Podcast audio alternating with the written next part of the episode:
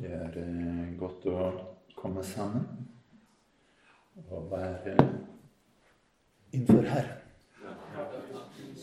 Godt å se dere alle sammen. Og man må vel kanskje si godt med dere man ikke ser, siden det er strømmes.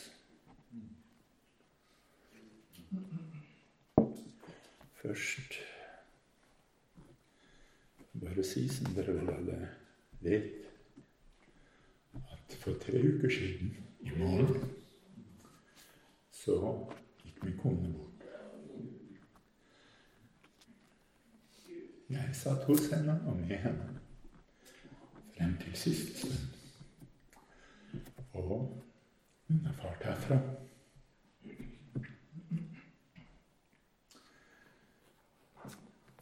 Da hun fikk vite at hun hadde fått spredning til hjernen, sa han til meg at det første jeg tenkte på, hvordan i all verden skal det gå med deg hvis jeg blir borte? Akkurat det gjenstår det å se. Men eh, vi hadde en begravelse, og mange av dere var der. Og jeg vil bare si en inderlig takk til alle dere som kom, og som var med. Jeg snakket med flere, både i Rakkestad, både troende og ikke-troende. Og også flere rundt omkring i verden som fulgte med på strømmingen av gudstjenesten, siden de hadde jo familie spredd rundt omkring. Og eh, som mange har sagt til meg Jeg har aldri vært på en slik begravelse før. Jeg har aldri opplevd noe sånt. Det sa vi. Vi kunne ikke sangene. Men du verden hvilken sang det var. Og du vet igjen begravelse, så har du inntrykk ofte av de fleste sitter der og, og mimer. Og som later som de synger. Men jeg vil bare si en hjertelig takk for alle som var med og sang. Og som var med og lot folk si at det er et folk som er litt annerledes. Som ikke har kanskje de, de triste sangene som ingen synger på. Men som selv i en begravelse kan være med og synge med et håp. Så jeg vil gjerne si takk til dere for dette. Kjære Gud og Far. Jeg ber at du må være med oss. At du må være sammen med oss at du må la oss se deg. Jeg ber deg, kjære Gud og Far, at du må bli stor for oss, og at vi må få et riktig forhold til deg. For det er kun du som kan bære oss igjennom alle ting. Jeg ber deg, Herre, i Jesu navn, la oss få se din storhet her i formiddag. Amen. Vi skal slå opp i Jobbs bok, det første kapittel.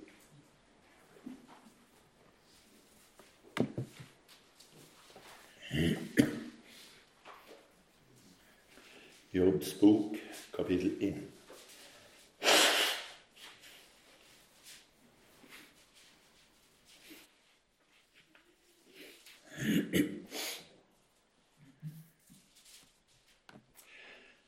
Jobbs bok, kapittel 1, fra vers 20 til 22. Da reiste Jobb seg og flerret ytterkappen sin. Han klipte hår av hodet sitt og kastet seg ned på jorden og tilba og sa, Naken kom jeg fra min mors liv, og naken skal jeg vende tilbake. Herren ga, og Herren tok. Herrens navn være lovet. Under alt dette syndet ikke Jobb. Han lastet ikke Gud for det som hadde hendt ham. Amen.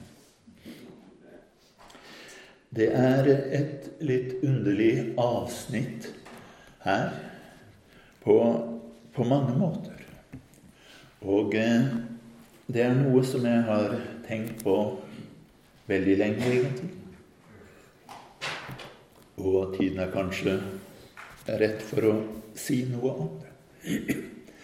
Eh, vi kjenner vel alle Jobb. Han var, står det i det første verset, en som fryktet Gud og holdt seg fra det onde. Han var en uklanderlig og rettskaffen mann. Men eh, så står det i vers 6 så hendte det en dag at Guds sønner kom og stilte seg fram for Herren.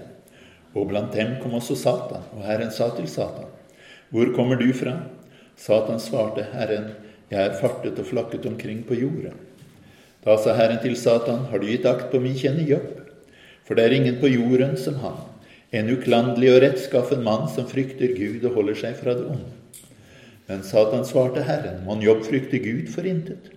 Har du ikke vernet om ham og hans hus og alt som hans er? På alle kanter. Hans henders gjerning har du velsignet, og buskapen hans har bredt seg vidt ut i landet. Men rekk bare din hånd ut og rør ved alt det som er hans er. Da vil han for visst si deg farvel like opp i ansiktet. Da sa Herren til Satan, se alt det han eier, er i din hånd, men mot ham selv må du ikke rekke ut din hånd. Så gikk Satan bort fra Herrens åsyn. Vi ser her er det en beskrivelse av en person. Jobb blir beskrevet som uklanderlig og rettskaffen, som frykter Gud og holder seg fra det onde. Det var Gud sa han. Det er Guds oppfatning av jobb. Men så kommer Satan, og Satan han har hva vel mange kanskje ville si var en litt mer realistisk syn på saken. Du har velsignet ham. Du har passet på ham. Du har tatt vare på ham. Du har gitt ham alt godt. Det er derfor han følger deg. Det er derfor han vil være sammen med deg. Det er av velsignelsene at jobb følger etter deg. Og her har vi to forskjellige bilder av jobb. Vi har bilde av jobb som den uklanderlige og rettskafne og gudfryktige, som søker Herren. Og vi har bilde av jobb som en som er ute etter personlig vinning, personlig velsignelse, at alt skal bli godt for ham. Og samtidig har vi på en måte to forskjellige gudsbilder som blir presentert. Det ene er bildet av en Gud som i seg selv er verdig å følges. En Gud som i seg selv er noe som mennesket bør komme til. Og det andre gudsbildet, det er et bilde av en Gud som man skal følge etter fordi han velsigner, fordi han hjelper, fordi han gjør gode ting. Så det er to forskjellige bilder av jobb, og det er to forskjellige bilder av Gud. Og Gud tar her og griper inn, på en måte. Han griper inn på, to, på begge de to tingene. Det ene er han griper inn mot Guds bilde, som Satan forsøker å presentere. At Gud skulle være verdig å følges og tilbes og æres bare fordi han kommer med velsignelser. Og det andre han griper inn i, er bildet av jobb. Som en som bare er opptatt med personlige velsignelser. At jeg skal ha det bra. At det skal gå godt for meg. Og Herren, han sier her, som vi leste Se, alt han eier, er i din hånd, men mot ham selv må du ikke rekke ut din hånd. Så gikk Satan bort fra Herrens åsyn. Nå er det litt viktig å huske på at Jobb han hadde aldri lest Jobbs bok. Vi har lest Jobbs bok. Det hadde ikke Jobb. Hvem det var som fikk denne åpenbarelsen av hva som egentlig hendte, det vet jeg. Men det var noen som fikk en guddommelig åpenbarelse. For ingen av oss har vært oppe i himmelen og sett hva som skjedde. Men noen fikk en guddommelig åpenbarelse av bakgrunnen. Men hvor ofte er det man får det?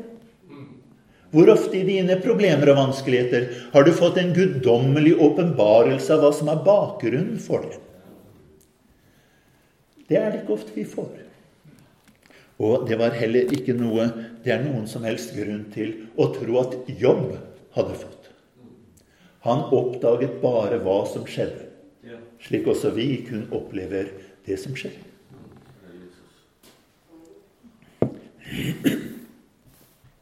Det er en viss spenning i det Jobb sier. Han kommer med dette 'Herren ga, Herren tok, Herrens navn være lovet'. Og så sier neste verset at under alt dette syndet ikke Jobb. Han lastet ikke Gud for det som hadde hendt ham. Så på den ene siden så sier han at 'Herren gav, Herren tok'. På den annen side så lastet han ikke Gud. Og det jeg håper at man kan sitte igjen med etter dette møtet, er et bilde av hvem Gud er, og hvem Gud skal være for oss. Og kanskje må vi granske oss selv og ransake oss selv og se hvilket gudsbilde er det jeg har. Har jeg lært mitt gudsbilde om det vil av Gud eller av Satan? Er jeg blant dem som tenker bare på mine velsignelser? Eller er jeg av dem som ser ham slik som han er? Han eh, klarer å samtidig si at Herren gav, Herren tok. Og si at 'jeg klandrer ikke Gud for det'.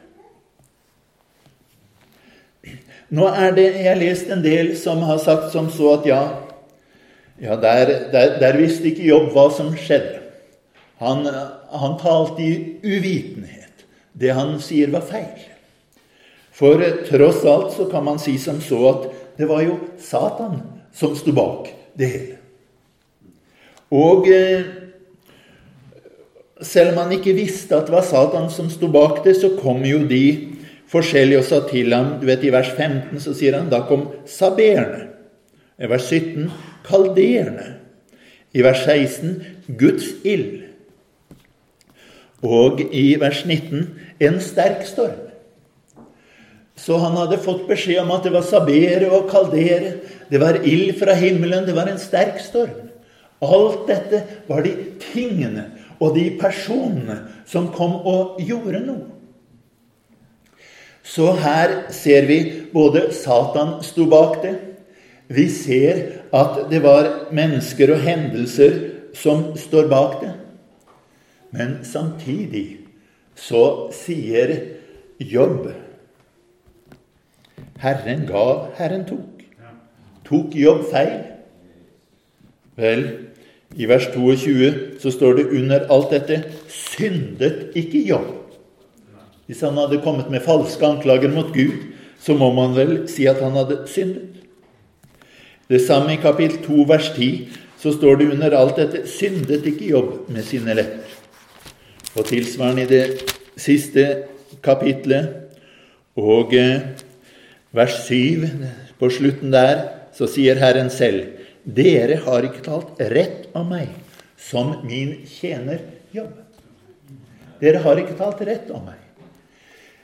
Så hva er det som Jobb har skjønt, og som alle ekspertene ikke skjønner?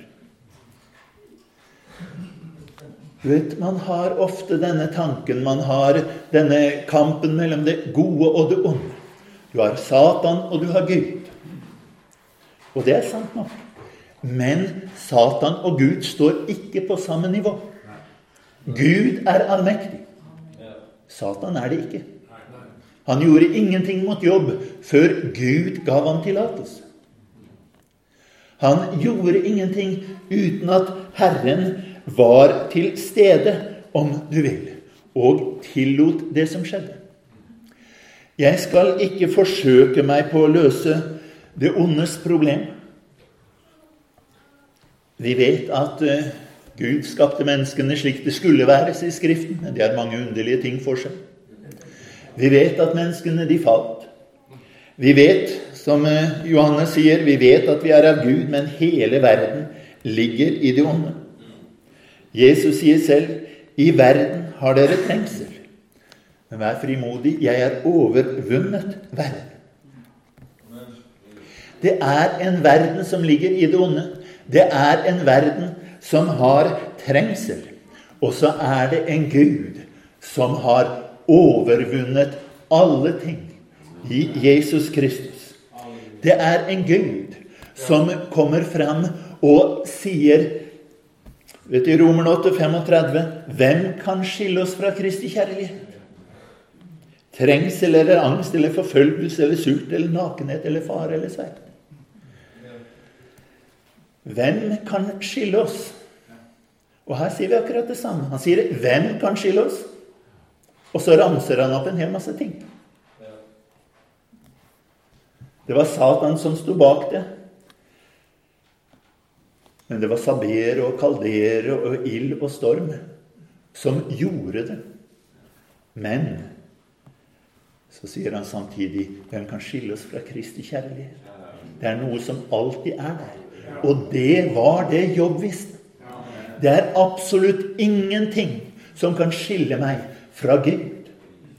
Det er ingen ild som kan falle ned fra skyene, som kan skille meg ifra Gud. Det er ingen storm som kan blåse opp og blåse meg bort ifra Gud. Det er ingen saber som kan komme mellom meg og Gud. Det er ingen kaldere som kan komme mellom meg og Gud. Jeg har en Gud som har alle ting i sin hånd. Jeg har en Gud om hvem det sies at selges ikke to spurver for én skilling, men uten deres far faller ikke én av dem til jorden. Uten deres far faller ikke én av dem til jorden. Det er en Gud som har oversikt over alle ting. Og Jesus sier, 'Ingen skal rive dem ut av min hånd'. Min far som har gitt meg dem, er større enn alle, og ingen kan rive dem ut av min fars hånd. Det er en Gud som har oversikten over alt. Som har all makt. Som ingen kan stå imot. Og dette er den Gud som Jobb tjente. Og dette er forhåpentligvis den Gud som vi tjener. En Gud for hvem ingenting er umulig for. Men samtidig en Gud hvor vi må si med Paulus at hvor dyp er rikdom og visdom og kunnskap hos Gud. Han er usporlig. Han er for oss uforståelig. Hans forstand er så langt over vår forstand at vi kan aldri forstå. Det er en grunn til at Jesus lærte oss til å be Fader vår, du som er i himmelen. Jeg leste en del bøker om bønn hvor de sier ja, ja, Gud bor på innsiden, så du kan bare bøye deg ned, og så kan du be til en Gud som er inni deg. Men Bibelen sier aldri at vi skal be til en Gud som er inni oss. Bibelen sier ikke at vi skal be til en Gud som er allestedsnærværende. Han sier at når du henvender deg til Gud i bønn, så skal det være til Fader vår, du som er i himmelen. Men er ikke Gud allestedsnærværende? Det er han. Bor ikke Gud i vårt hjerte? Det gjør han. Men når vi henvender oss til ham i bønn, så er det viktig for vår forståelse av Gud og vår innstilling til Gud, og det å komme i den riktige posisjonen i forhold til Gud, at vi innser 'Jeg er her nede, du er der oppe'. Jeg ser ting slik de ser ut her nede, men du ser ting ovenfra. Du vet, Nå har man begynt med sånne droner og forskjellig, som politi og forskjellig kjører rundt, fordi de trenger et oversiktsbilde. Den som står her, en politimann som står der, ser ser hva som skjer der. Og en som står der, ser det som skjer der. Men de ønsker å komme opp der og få et oversiktsbilde, så man kan se alt som er. Og det er det Jesus lærte oss, at når du skal be, så må du innse at du har ikke oversikten. Men det har Gud. Derfor ber vi ikke til Fader vår, du som er allestedsnærværende eller du som er i oss, eller du som er her. Men han sier, Fader vår, du som er i himmelen. Du som er på et annet plan. Du som ser ting på en annen måte. Du som er et sted vi ikke kan komme til. Hans veier er ikke våre veier. Hans tanker er ikke våre tanker. Men liksom himmelen er høyere enn jorden, slik er dine veier høyere enn våre veier. Slik er dine tanker høyere enn våre tanker. Og den eneste måten vi får del i det på, det er når Hans ord kommer til oss, som regnet som faller ned fra himmelen, sier han. Det vender ikke tilbake, men det kommer ned, og det vanner jorden og gir såmann korn og den etende brød. Slik er Herrens ord. som går ut av hans munn. Det skal ikke vende tomt tilbake. Det skal gjøre det han vil. Lykkelig utføre det han sender det til. Den eneste måten vi kan få del i hva Gud ser på, det er når Hans ord kommer til oss og åpenbarer for oss. Men når vi ser ting, så ser vi ting her nede. Men vi må være klar over det er en Gud som har alle ting i sin hånd. Og det er det som eh, skjer med, med jobb her. Han sier 'Herren gav'. Herren tok. Ja, han visste at det her var naturkrefter, storm og ild. Han visste at det var mennesker, sabere og kaldere. Og kanskje så kunne han også tenke seg til at ja, det er en ond makt som står bak og påvirker dem. Men han visste at mitt liv er ikke overgitt til naturkreftene. Mitt liv er ikke overgitt til onde mennesker. Mitt liv er ikke overgitt til onde makter, men mitt liv er i Hans hånd. Han bevarer meg i sin hytte på den onde dag. Jeg hører ham til. Her nede er de evige armer. Det er en Gud som er vår Gud, og han er vår Gud uansett hva som skjer. Han er vår Gud uansett hvilken situasjon vi er i. Han er Gud. Og han er over alle ting. Jobb brydde seg ikke engang om å snakke om naturkrefter eller kaldere eller Satan selv. Han sa at 'jeg er i Guds hånd'.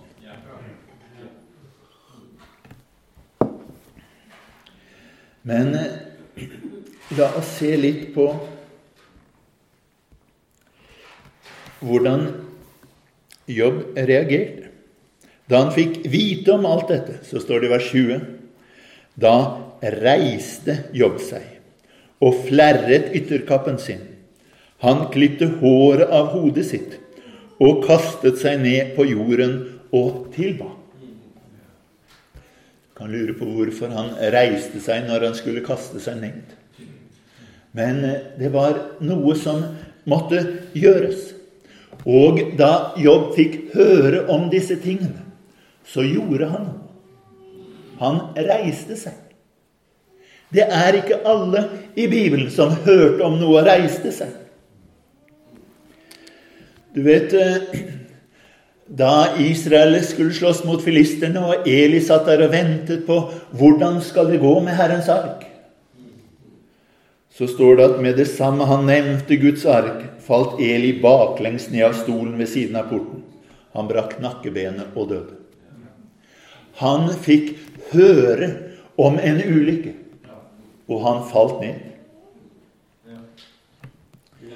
Vi leser om eh, Nabal da han fikk høre om eh, hva som nesten hadde skjedd ham. Hans kone hadde berget ham. Det var ingen ulykke, men allikevel, han hørte om det som nesten hadde skjedd. Da står det om ham i 1. Samuel 25, 37. Men da Nabal om morgenen var våknet av rusen, fortalte hans kone ham alt sammen. Da var det som hjertet døde i brystet hans, og han ble som en stein. Det var noe som døde, det var noe som falt. Her ser vi det var mennesker som fikk beskjed om noe, og de falt. Men det var en jobb som fikk beskjed om noe, og han reiste seg. Iblant så er det viktig å reise seg. Så er det viktig å gripe tak i noe. Salmisten sier, 'Min sjel, hvorfor bruser du i meg?' Iblant så må man snakke til sin sjel. Det var en som sa det slik en gang at enten snakker du til en sjel, eller så snakker din sjel til deg. Enten snakker du til en sjel, eller så kommer ditt sjelsliv, dine følelser, alt som skjer, til å snakke til oss. Iblant så må vi snakke til vår sjel. Iblant så må vi gripe tak og gjøre noe. Eli falt ned og døde. Nabal var ikke i fare engang, men allikevel var det noe i ham som døde. Her hadde Jobb fått beskjed at alt du eier, er blitt borte. Du er den rikeste. Du var den rikeste, nå er du den fattigste. Du hadde familie, nå har du ingenting. Men allikevel så står det om jobb han reiste seg. Og det neste han gjorde, det står han flerret ytterkappen sin. Han flerret ytterkappen sin. Hva betyr det å flerre en kapp? Rive den i stykker? For dem så var det et tegn på sorg. Det står om Jakob i 1. Mosebok 37-34, da de fortalte ham at Josef var død. Så står det Og Jakob flerret klærne sine, bandt sekk om hoftene og sørget over sin sønn i lang tid. Det står om Hesekias i andre kongebok 19.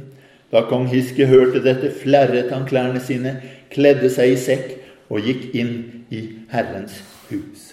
Det var et tegn på sorg. Det var et tegn på at her har du opplevd noe som gjør at man følte behov for å reagere.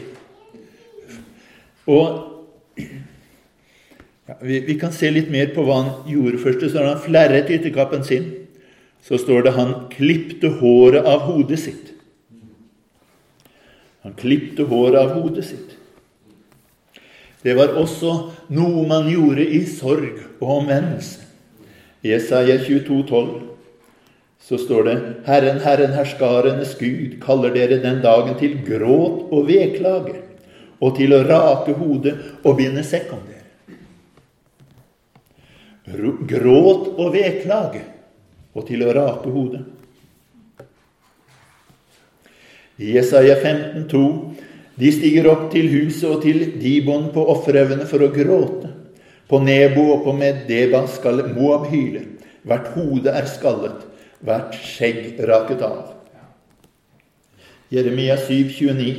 Klipp av deg håret og kast det bort, og stem igjen klagesang på de nakne haugene. For Herren har forkastet og støtt fra seg den ætten som han er vred på. Mika 1, 16. Gjør deg skallet, klipp håret vekk for dine barns skyld. De som var din lyst, gjør ditt hode så skallet som gribbens, for de er ført bort fra deg. Så her ser vi en tegn på sorg. Et tegn på sorg over synd. Et tegn på at tiden var inne for å gråte og klage. Var at man klipte eller raket av seg hår. Og det er det som Jobb sier her. Det står om Jobb. Han flerret ytterkappen sin, han klipte håret av hodet sitt og kastet seg ned på jorden og tilba. Han reiser seg, flerrer, kapper, og så kaster han seg ned i tilbedelse. Det er en kombinasjon der som jeg tror det er viktig å få med seg. Du vet, Når noe skjer, så kan man reagere på forskjellige måter. I Hebreerne 12,5 så står det og dere har glemt den formaningen som taler til dere som til barn. Min sønn, forakt ikke Herrens tukt, og mist ikke motet når du blir refset av det. Hvis du ser på den, så sier han to ting man ikke skal gjøre. Sier, forakt ikke Herrens tukt. Og det andre er mist ikke motet.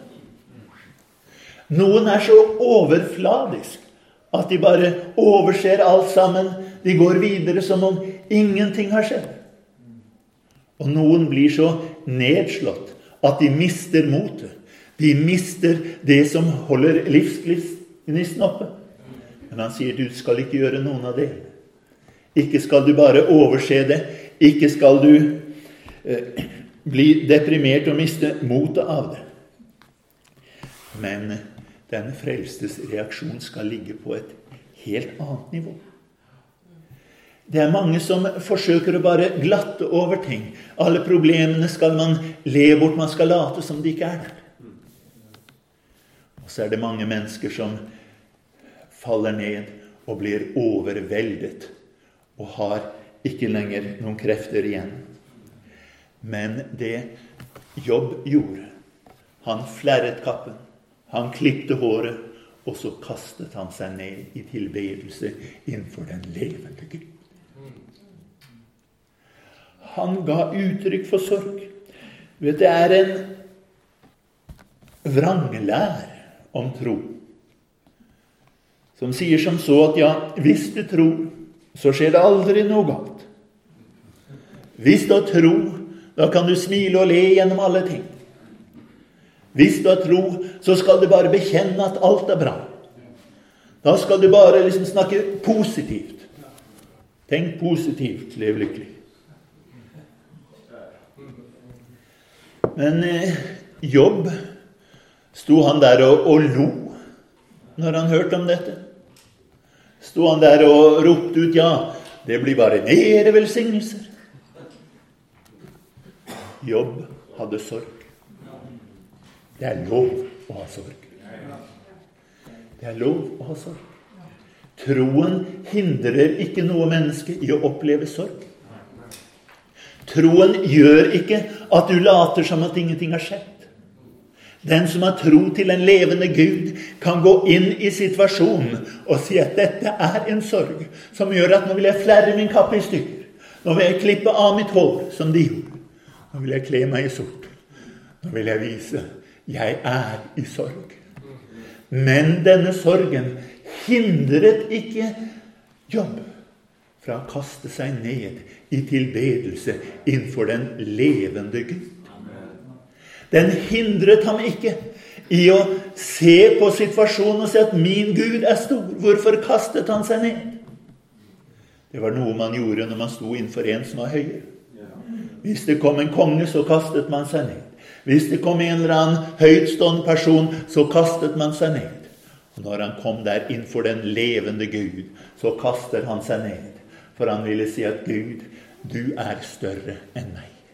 Gud, du vet mer enn meg. Gud, du har en innsikt som jeg ikke har.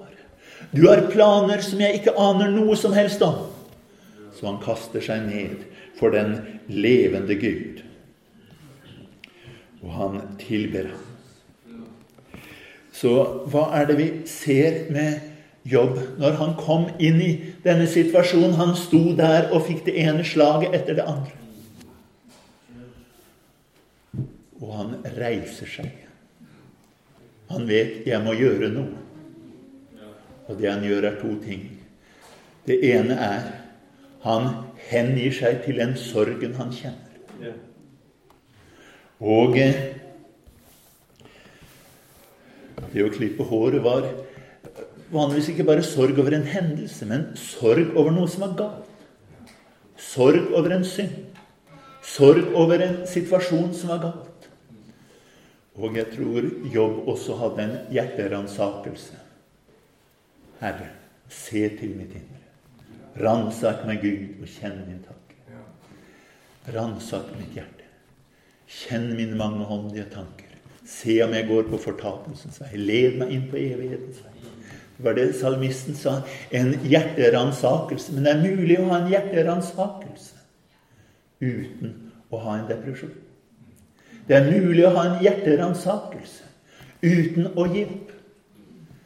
Men Jobb, han la seg der i sorg og i overgivelse. Så kommer han dog frem for den levende Gud og bøyer seg ned for ham. Og han ønsker å løfte ham opp. Og så er det noe han sier her. Vi, vi er vant til å se bare på den ene delen. Herren ga, Herren tok. Han begynner ikke der. Da han kastet seg ned og tilba, så sa han, 'Naken kom jeg fra min mors liv, og naken skal jeg vende tilbake.' Vi har lett for å tenke som så at 'dette er mitt'. Dette har jeg rett på'. dette er noe jeg kan kreve. Jeg skal ha det bra. Og mange sier som så Hvorfor har dette skjedd meg? Hvorfor opplever jeg dette? Men eh, hvis man snur litt på det, hvis hele verden ligger i det onde, er det da så underlig om man opplever at noe er ondt? I en fallen jord er det så rart om det skjer ting som ikke er av det gode? Vi har ikke krav på noe. Og eh, vi bør vokte oss vel for å gå rundt med den holdningen at 'dette har jeg krav på'. 'Dette har jeg fortjent'. Dette er noe som jeg bare skal ha. Du vet, Man er lett for å, å, se på naboen, og så sier man at ja, det er dypt urettferdig at jeg ikke har det samme som han har. Men hva med alle de andre som har det dårligere enn man har det selv? Ser man på de og tenker som så at det er dypt urettferdig at de ikke har det jeg har? Jeg tar og gir dem alt jeg eier. Det, det er ikke så lett. Men han sier her 'naken kom jeg fra mitt mors liv', og naken skal jeg vende tilbake. Jeg hadde absolutt ingenting med meg inn i verden. Jeg hadde absolutt ingenting. Alt jeg har, er ting som jeg har mottatt. Alt jeg har, er ting som Gud har velsignet meg med. Alt jeg har opplevd, er noe Gud har gitt meg. Gud kan gi ting direkte, Gud kan gi det indirekte. Du kan si at 'jeg jobbet for det'. Vel, da har du jobbet i den kraft som Gud har gitt deg. Ja, jeg skaffet meg utdannelse. Ja, hadde ikke Gud gitt deg en intelligens, så hadde du ikke kunnet skaffe deg den. Vi har det vi har fått fra Gud. Vi kom hit uten noe. Vi går uten noe. Alt vi har, er hva Gud måtte velsigne oss med. Og det er det han sier her. Herren gav, Herren tok. Herrens navn være lovet. Han hadde et forhold til den levende Gud, som sa som så at 'jeg eier ingenting'. Jeg fortjener ingenting. Jeg har ikke krav på noen ting. Men allikevel så har Gud velsignet meg. Og jeg takker Gud for den velsignelse han gav. Og så priser jeg ham også når det ser ut som min velsignelse er blitt borte. Hele verden ligger i det onde. Det er noe galt i denne verden. Har du lagt merke til det? Det er noe galt i denne verden. Og det er noe som selv ufrelste legger merke til. At her er det ting som kan skje med hvem som helst. Erik Bye er det vel som har sunget en sang at Hvem har sagt at just du kom til verden for å nyte glede og lykke på ferden? Hvem har sagt at just du skal ha hørsel og syn? Det, det, er når man innser at 'jeg har ikke noe som tilsier at 'dette har jeg retten til'. Og det er det som Jobb sier her. Det er noe galt i verden. Men vi har en Gud. Tore Rydland og jeg gikk en tur rundt Kalnes mens siden de ble stelt og litt forskjellig. Når vi er kommet rundt, så sier jeg til Tore at der er inngangen til akutten. Det er noe fundamentalt galt når det er lokalt kjent på akuttinnleggelsen på sykehuset. Det er noe fundamentalt galt med en verden som gjør at der er du lokalt kjent på steder som. Det er noe fundamentalt galt når din kone dør, og en av de første hun forteller det til, er dama på apoteket. Og hun kommer rundt og gir deg en god klem. Fordi hun har sett deg så ofte. Det er noe fundamentalt galt med en sånn verden. Men slik er verden. Slik er verden. Naken kom jeg fra min mors liv. Naken skal jeg vende tilbake. Herren gav, Herren tok. Herrens navn være lovet. Har vi et forhold til Gud som gjør at jeg kan si uansett hva som skjer, så stoler jeg på den levende Gud. Jeg snakket med en en gang som spurte meg Han sa at ja, min svigermor nå holder hun på å dø av kreft. Og hun er så snill, og hun er så grei. Hvorfor skjer sånne ting? Hvorfor gjør ikke Gud noe? Jeg sa til ham jeg kan ikke forklare alle ting. Men det, hvis du tenker på mennesker, så er det slik at det er noen mennesker du ser dem gjør noe, så sier du 'Hva i all verden er det de holder på med?' Få dem bort derfra. Og så er det andre mennesker du ser gjøre kanskje akkurat det samme. Og så sier du som så at 'Ja, han vet hva han holder på med'. Hun der, hun har greie på det. Så hvis de gjør det, så er det sikkert det som er det riktige å gjøre. Det, det er forskjell på en rotekopp som du vet han bare roter ting, ting, og en som du vet at dette er folk som vet hva de holder på med. Hvis jeg ser noen som vet hva de holder på med, gjøre noe, så tar jeg et skritt tilbake og sier vel, la dem gjøre det. De har greie på det. De vet mer enn meg. Og der vil jeg spørre hvilket forhold har vi til en levende Gud? Hvem er det som vet best? Er det han, eller er det jeg? Hvem er det som har mest greie på ting? Er det han, eller er det jeg? Vi har så lett for å si at Gud, hvorfor har det gjort slik? Gud, hvorfor skjer det? Men Gud vet hva han holder på med. Det er vi som ikke helt har oversikten over hva vi holder på med. Problemet vårt er ikke at Gud er urettferdig. Problemet vårt er at vi ikke har levd rett for ham. Det er mer et problem. Problemet vårt er at mennesker ikke har levd rett for ham. Problemet er et samfunn som ikke lever rett for ham. Men problemet ligger ikke i Gud. Jobb ante ikke hva det var som skjedde bak i kulissene. Men bak i kulissene så var det en Gud som sa som så at 'jeg skal bevise' både at jeg er en god og rettferdig Gud som det er bryet verdt å tjene, og jeg skal også bevise at Jobb er en person som hører Herren til, fordi det er rett. En person som ikke er ute etter personlige velsignelser. En som ikke er ute etter bare at det skal gå ham godt. En person som vil si at 'jeg ser opp til Herren uansett'. Møter jeg problemer, kaster jeg meg ned for hans åsyn. Møter jeg vanskeligheter, så kommer jeg inn for ham. Det er en slik Gud han hadde. Det er en slik Gud vi må ha. Betyr det at vi har en slags skjebnetro, sånn fatalisme? Man setter seg ned og, og gjør ingenting? Nei, vi kan lese litt i Andre Samuels bok. Du kan jo godt slå opp dit, kanskje. Andre Samuels bok, kapittel 12. Og her er det at vi ser David.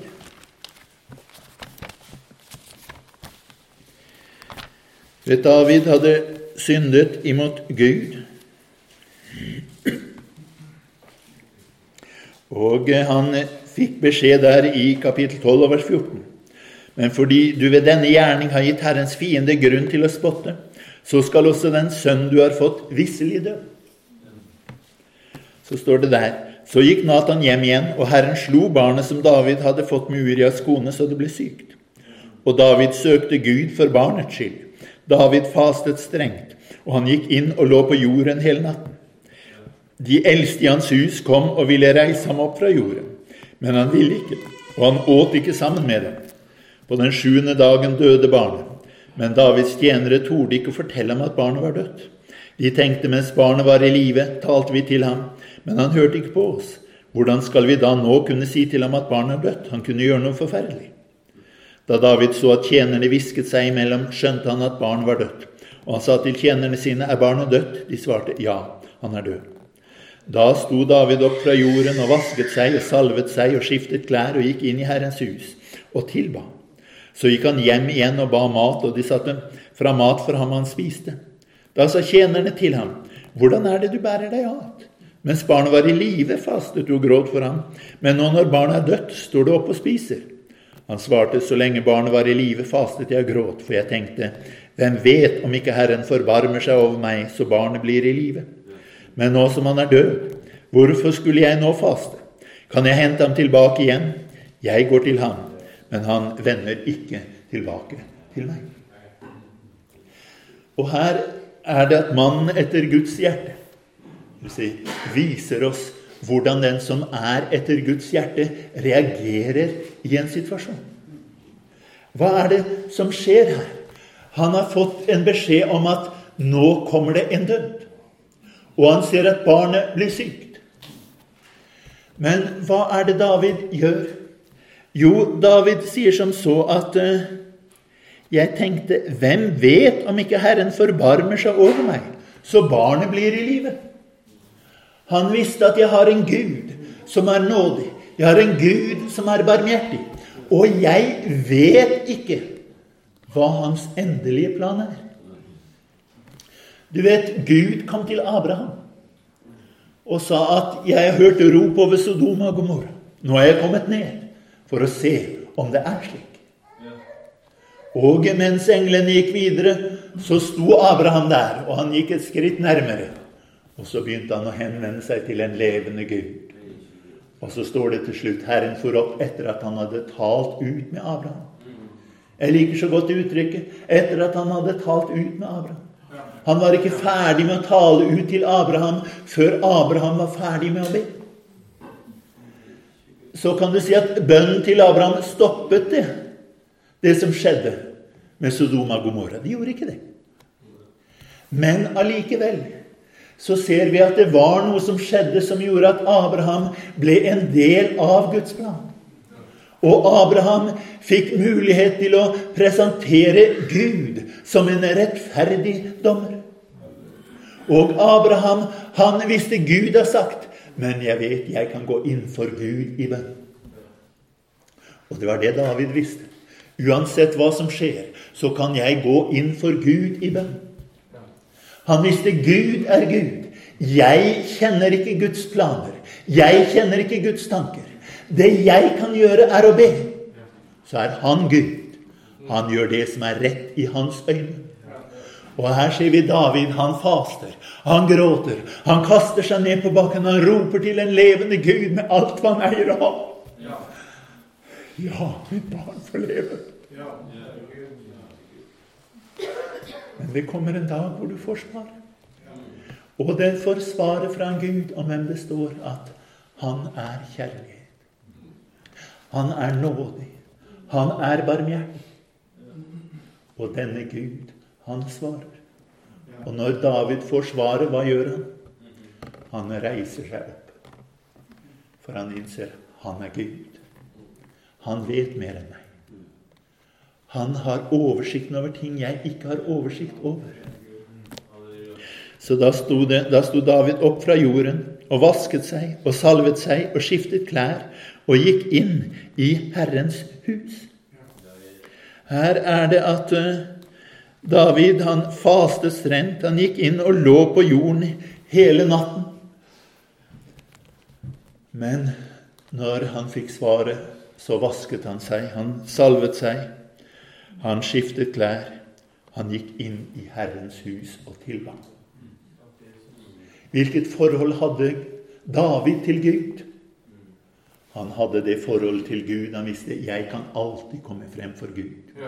Jeg kan be til Gud om hva som helst. Og Gud hører på meg når jeg ber til ham. Og så overlater jeg til hans visdom å gjøre det han ser er best.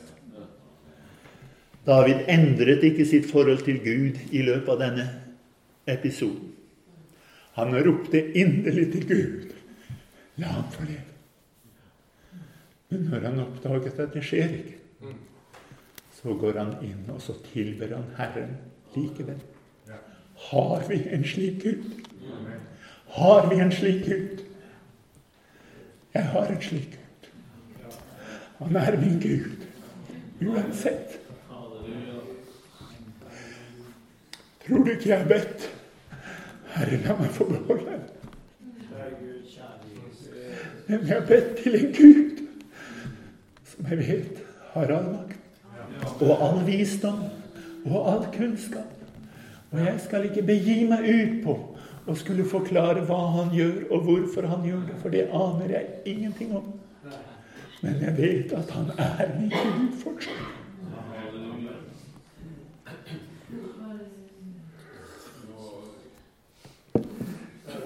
Cindy fikk en dom, men hun hadde en fred. Hun sa gang på gang 'Takk for alle som er med og ber for Takk for alle som har gitt, vært med og bedt, for jeg kjente jeg har fått en fred. Jeg er ikke redd. Jeg er ikke bekymret. Jeg har en fred.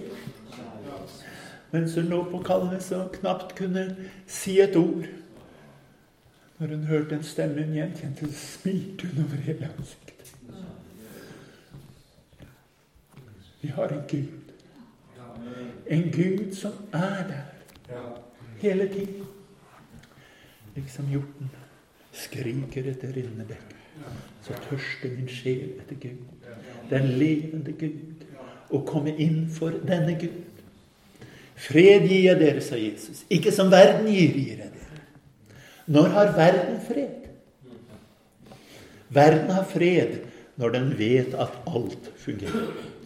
Verden har fred når den vet at nå har vi nok penger til å betale alle regningene. Verden har fred når den vet at ja, renta ble ikke satt opp, så, så nå klarer jeg å betale lånet. Verden har fred når den vet at ja, jeg har en jobb, og den får jeg beholde. Men Jesus sier jeg gir en annen type fred. Jeg gir en fred som gjør at hvis Saber og Kaldere kommer og ødelegger alt du eier, så er freden der fortsatt. Jeg har en fred som gjør at hvis ild faller og storm griper tak, så er freden der fortsatt. Herren har en fred som gjør at hvis ditt barn dør, så har du freden der allikevel. Det er en Gud som vi kan ha et forhold til. Det er mange som hele tiden spør hvorfor skjer dette, hvorfor handler det, hvorfor er det sånn, hvorfor skulle dette skje? Jeg tror ikke på apati. Jeg tror ikke på fatalisme. Jeg tror ikke å sette seg på baken og gjøre absolutt ingenting. Men jeg tror at vi kan gå sammen med den levende Gud. Jeg tror på et folk som sier som så jeg står på Herrens side. Ikke et folk som bare setter seg ned og gir opp alt, men et folk som kan gå inn i sorgen, som kan gå inn i problemene, som kan rive kappen i stykker og klippe håret, for å si det sånn, som kan si som så at 'dette kjenner jeg', men som så faller ned for den levende Gud og sier at jeg går videre med deg allikevel. Vi går videre uansett. Hva var det Jobb trengte? Han trengte ikke svar på hvorfor ting skjedde. Gud svarte han til slutt. Men han fortalte ikke da hvorfor ting skjedde. Når det skjedde, så visste Jobb ingenting om det som hadde skjedd i himmelen og Satan og alt det der. Og når Gud skulle begynne å snakke med ham, så forklarte han ingenting av det. Men hva var det Gud sa? Han sa, 'Var du der da jeg la verdens grunnvoll?' Var du der da jeg skapte stjernene? Da jeg skapte dyrene? Var du der? Var du med? Var det du som gjorde det, eller var det jeg som gjorde det? Og det var det som hjalp jobb. At han innser nei, det er ikke jeg som gjør det, det er Gud som gjør det. Det er ikke jeg som ordnet det, det er Gud som har ordnet det Det er ikke jeg som skal gjøre det, det er Gud som med sin kraft kan gjøre det. Og dette stoler jeg på. Dette overgir jeg meg til. Vi har en Gud som kan og vet alt. Det betyr ikke at vi skal sette oss ned. Det betyr at vi skal reise oss opp. Paulus fikk beskjed om at jeg er meget folk på dette sted. Ja, da kan du vel bare sette deg ned.